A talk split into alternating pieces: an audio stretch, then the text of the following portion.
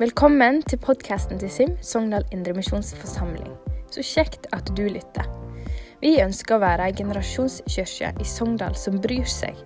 Vil du vite mer, sjekk oss ut på sogndalimf.no Og nå til søndagens preike. All right. Ja, jeg heter Astine Malin. Tredje året mitt her i Sogndal. Går landskap. Eh, og så ble jeg spurt om eh, jeg ville prate om eh, trosforsvar apologetikk, og da sa jeg ja. Fordi det er noe som har vært veldig viktig for meg. Eh, så jeg tenkte å dele litt av det jeg har lært fra det. Eh, så jeg skal si hvor viktig det har vært for meg, og hvor viktig jeg tror det er for mange i salen her, å vite at det man tror på, er rasjonelt, og at det er sant, at det finnes bevis for det. Uh, og så skal jeg legge fram, eller fortelle at Bibelen, den vil gjerne at vi skal bygge troen vår på bevis. Uh, og uh, så skal jeg legge fram noen argumenter. Det er, et, det er, mye der ute, så jeg må bare ta det veldig kortfasta i dag. Og så skal jeg gi dere noen praktiske tips.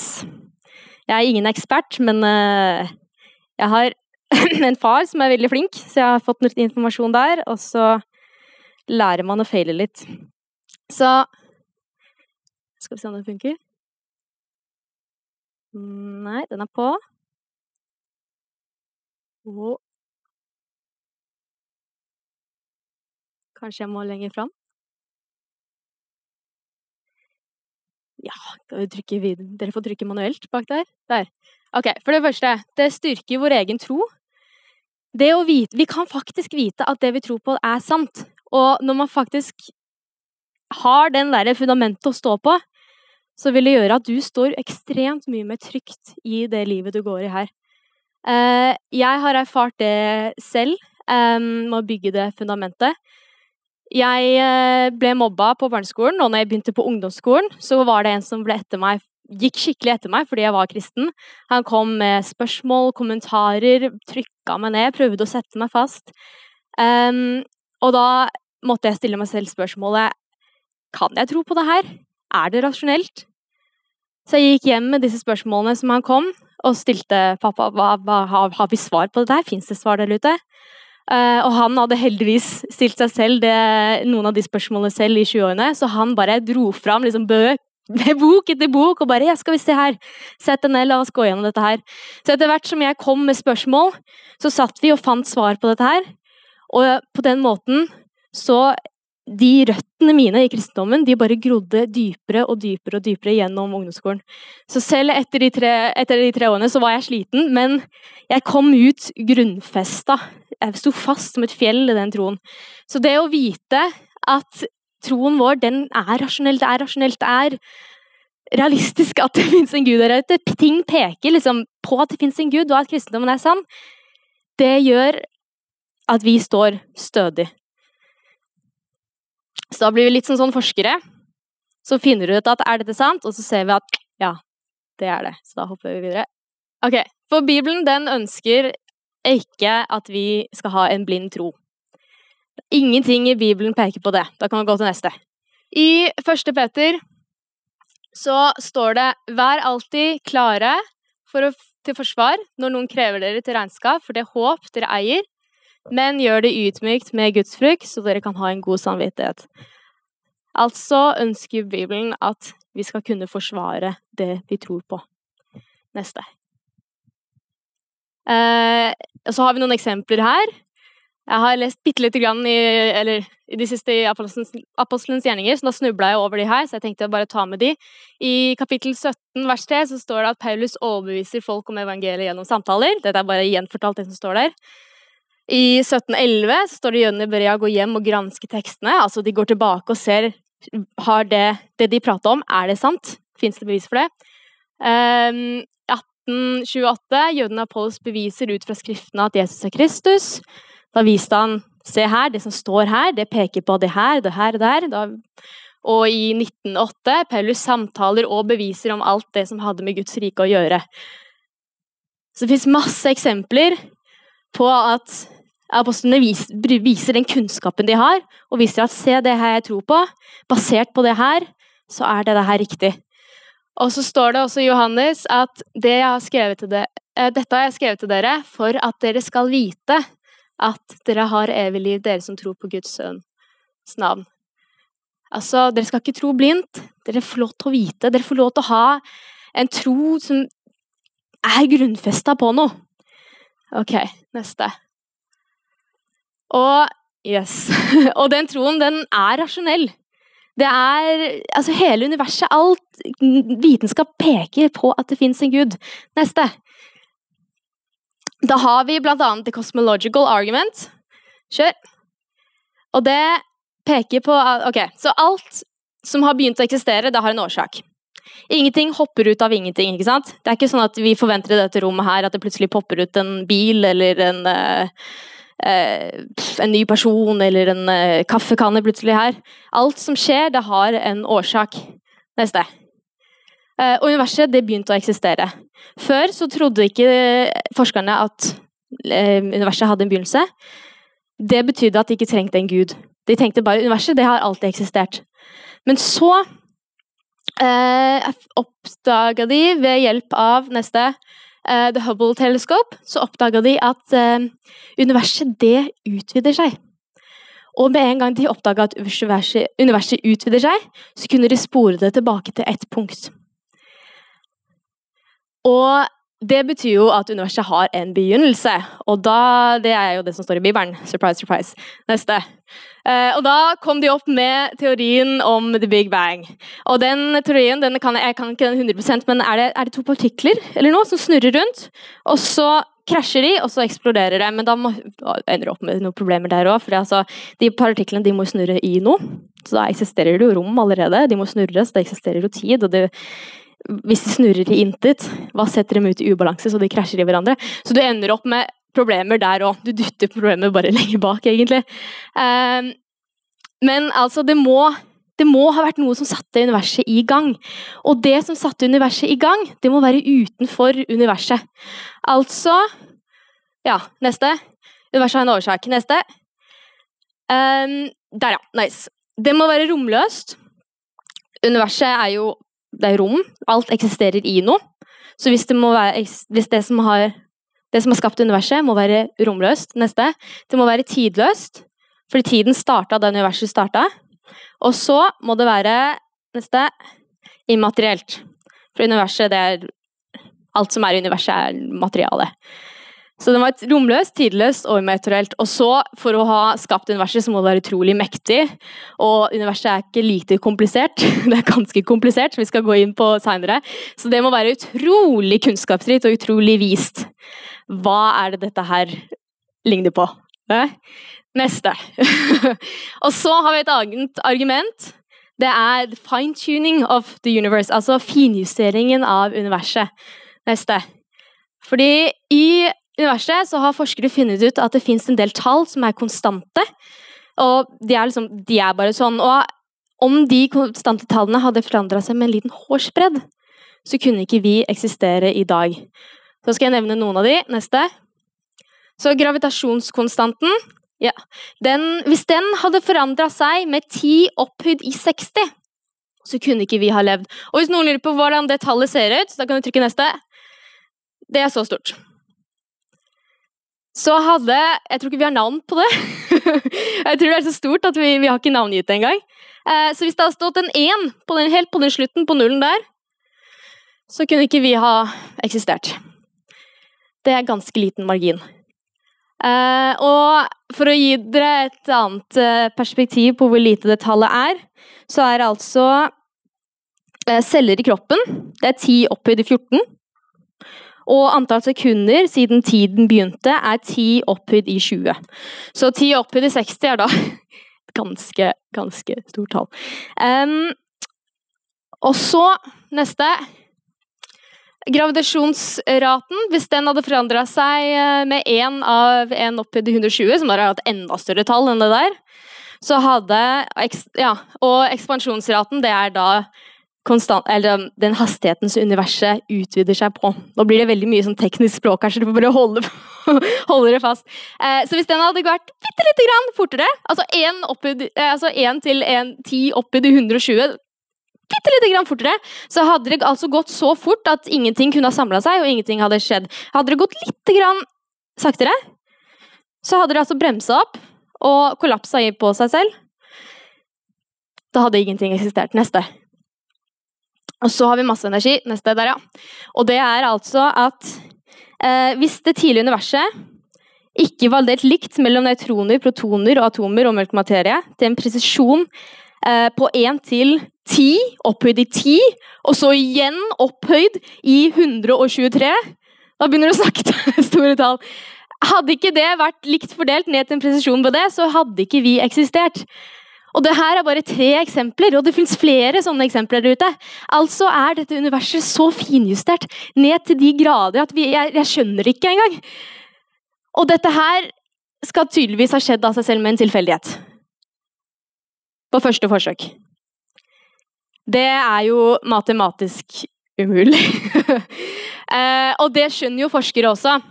Neste. Så Derfor begynner de å spekulere på om hva om vi har flere parallelle univers.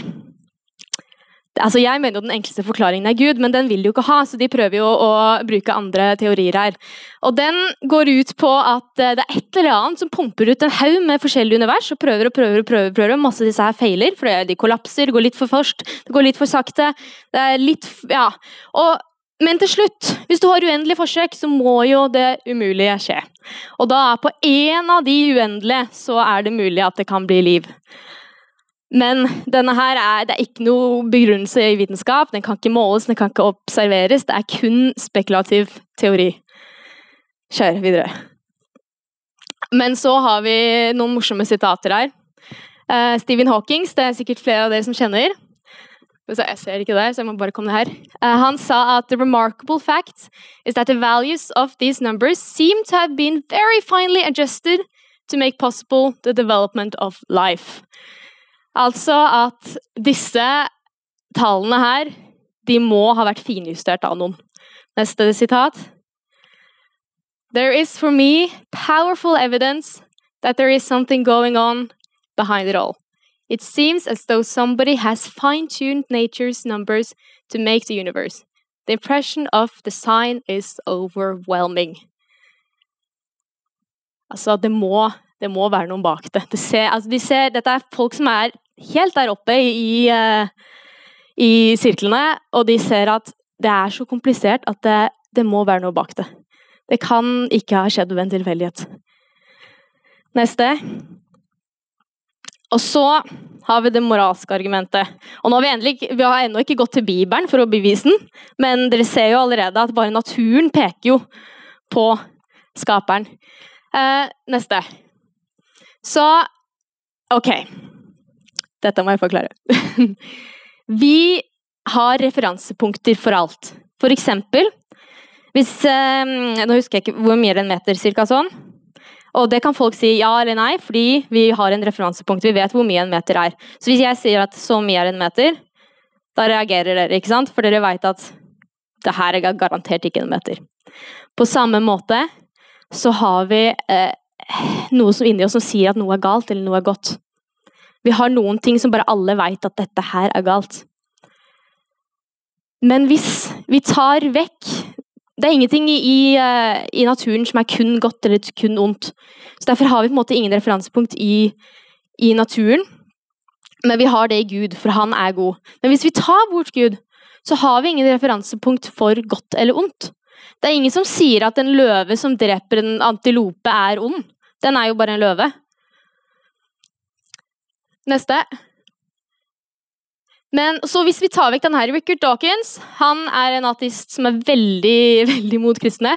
Og han har sagt at uh, a world without, um, In a world without God there is no evil and no good. Det er ingen referansepunkt. Det er ingenting godt eller vondt. Det er bare er. Nothing but blind, pitiless indifference. Du kan uh, trykke neste, så får du bilde av nå. Han er Men det er jo ingen som lever sånn. Det er ingen som lever med at det ikke fins noe som er godt eller ondt. Vi vet jo alle det, vi kjenner jo alle på den urettferdighetsfølelsen. Men tar vi vekk Gud, så er jo den ikke noe annet enn en subjektiv mening. Du kan eh, trykke neste. Og er ondskap en subjektiv mening? Kan du si det, kanskje i noen tilfeller, men så er det andre tilfeller der vi bare absolutt nei. Um, jeg kan jo ta det er litt fælt eksempel, men f.eks. å skade barn. Alle er enige om at det er vondt, ikke sant? Men hvis vi tar bort Gud, hvis vi ikke har noen referanse, da er det ikke noe godt eller vondt lenger. Men vi kjenner jo fortsatt alle på det, og det er et bevis på at det er, det er noe med der ute. Neste. Neste. Yes. Så hvis Gud ikke eksisterer, så kan man si at uh, heller ikke objektive moralske verdier og plikter de, uh, eksisterer. Men vi har jo sett nå at objektive moralske verdier og plikter eksisterer, og derfor må Gud eksistere. Det er det moralske argumentet. Ok, neste. Men har vi, nå har vi ikke gått til Bibelen. Nå har vi bare sett på om Gud fins eller ikke, og så ser vi nå at uh, hvor Eh, at det at universet har en begynnelse, og det at det er så fine-tuna som det er, og det moralske argumentet, og alt peker på, på, Gud. Men hvorfor Bibelen, da? Så kan du trykke på neste. Neste. Da har vi en som eh, var arkeolog. Sir William Ramsay. Han fikk en haug med sponsorer for, eh, som sponsa han for å gå inn og sjekke om Det nye testamentet var eh, stemte. Så han tok for seg bl.a. Lukas' evangelium og apostlenes gjerninger, for der sto det veldig beskrevet veldig historisk, og tenkte han det er lett å motbevise. Og motbeviser jeg det, så kan vi si at da er det skrevet mye seinere, eller da er det mye feil, og da kan vi ikke, trenger vi ikke stole på det. Men så gikk han inn, da, og begynte å grave og begynte å lese opp og studere, og så fant han ut at søren heller, alt stemmer. Um, ja, jeg fant bl.a. papirhusruller som var skrevet fra år 90. og sånt, så alt, Det er skrevet ekstremt tidlig, det er skrevet ekstremt nøyaktig. Jeg kan ikke annet enn å tro at det som står her, i denne boka her, det er sant. Så han endte opp med å bli kristen på grunnlag av det. Uh, og sponsorene ble ikke helt happy for det, men han, han, kunne ikke fornekte det han så med sine egne øyne. Så da kan vi gå videre. Uh, så har vi en annen, neste, så får du bilde av han òg. Uh, Jay Warner Wallace. Han er en som uh, jobber som en cold case homicide detective. Altså han jobber med uh, mordsaker, for de går ikke ut på dato. så du kan ta opp igjen saker som har ligget der nede i 70 år. Og så kan du jobbe med de og så løse de på nytt. Men da problemet med det er jo at vitnene er kanskje døde. Eh, politimannen som jobba med det da, er kanskje også død. Så hva har du med å jobbe med da? Jo, du har nedskrevne eh, vitneberettiger eh, Ja, vitner som har skrevet ned hva de har, har sett. Og han var, han var, ikke kristen. Han var ganske, han syntes at kristendommen var noe tull. Eh, men så fikk han høre at Jesus han var en smart fyr. Så da ble han litt nysgjerrig. Han tenkte søren heller, hvem er denne smarte fyren her? Så han måtte inn og lese. Og så ble han litt nysgjerrig, fordi hva er, altså, hva er Det nye testamentet? Det er bare masse vitnebeskrivelser. Folk skal ha skrevet 'dette er det jeg har sett og hørt'. Så han tenkte det her er jo akkurat det jeg jobber med. La meg teste ut om disse vitnene her er troverdige på samme måte som jeg tester ut om mine vitner i mine word er troverdige. Så han gikk inn og sjekka det, og fant ut de er troverdige. Søren heller. da må jeg tro på det. Jeg kan ikke annet enn å, enn å tro på det jeg, har, det jeg, ser foran meg. Og så neste. Og hvis dere er mer interessert i uh, dette her, så jeg, vil jeg anbefalt også John Lennox, William Lane Craig, og så er det jo masse flere, da, men dette er to av de jeg uh, syns er veldig spennende å høre på. Um, neste. Men hva nå, da? Nå som man har mye kunnskap Nå skal man, man må jo ut og dele dette her. For noen gode nyheter. Altså, dette her, det er, det er sant, det vi tror på. Det stemmer. Altså, alt, pe alt peker mot det. Hva nå? Det kan jo være litt skummelt. Så da dere, Hvis dere kommer opp i samtale, hvis dere får noen spørsmål, Eh, hvis det er en eller annen åpning som, uh, som, åpner seg Jeg anbefaler dere å be til Gud om å få en åpning, forresten. Han gjør det. Det er litt skummelt, så Men uh, da kjør. Vil jeg anbefalt å huske på at de også har et livssyn. Det er ikke kun vi som tror på Gud, som må forsvare det. De som ikke tror på Gud, har jo også et livssyn der de tror at det ikke finnes en Gud. Så da vil jeg anbefalt å Uh, si for eksempel ja, hvorfor skulle det ikke vært en gud?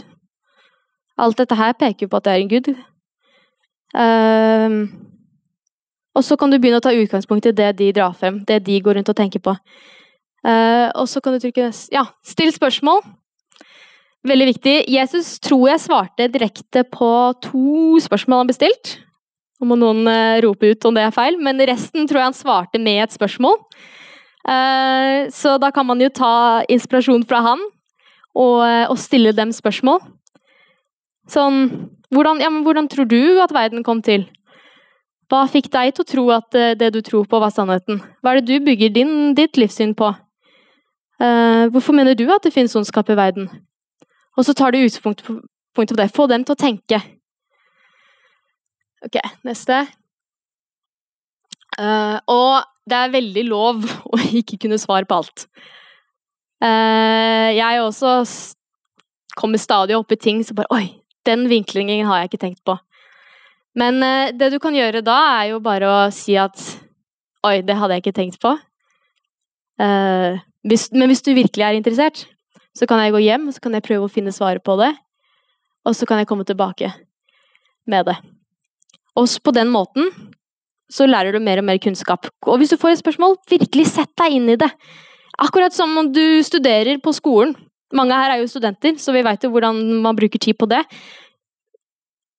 Liksom Sett, sett av tid til å faktisk finne ut av ting når du kommer i kristendommen, og ikke, ikke glem den bort. Finn ut av dette her.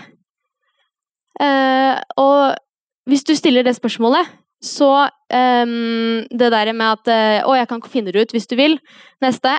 Da um, finner du fort ut av hvem som faktisk er interessert i det, eller hvem som er ute etter bare å ha en diskusjon. Fordi um, det står eh, noe jeg har lært av, som jeg kanskje burde lært på ungdomsskolen.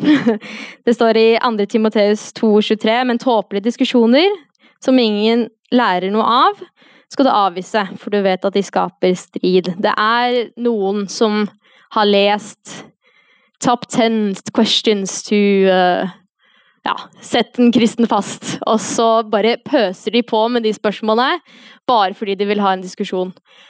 Ikke bruk tida dine og kreftene på det. Spar de på de som faktisk sitter der og, og lurer. Neste. Uh, ja. Og hvis du merker at uh, de har egentlig litt lyst til å bytte tema, de kanskje ikke så gira på deg lenger, så vær den første til å bytte tema. Ikke Da får de faktisk lyst til å begynne å prate med deg om dette her igjen. Veldig praktiske tips nå. Men uh, det er det jeg har opplevd, at jeg kanskje selv har vært litt sånn 'Å, men dette er kjempespennende, og dette brenner jeg for.' Og så har jeg bare lyst til å prate prate, prate, prate. Og så sitter de på andre enden og er egentlig litt sånn Ja, dette var litt mer enn det jeg trodde det skulle bli. Men heller tenk at det du får sådd inn, det lille, det blir som en, sko, en stein i skoen som de går rundt og tråkker på.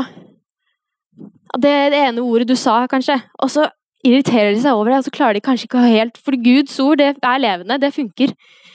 Så til slutt så blir de så, kanskje så irritert at de må ta av skoen og se hva søren er dette her, da. Men uh, tør, å, tør å ha så lave skuldre at du, du bytter tema, eventuelt. Mm. Next. Yes. Så vil jeg bare avslutte med dette verset her fra andre Korint eller ja, to år. For selv om vi lever i skjødet, så fører vi ikke vår strid på skjødelig vis.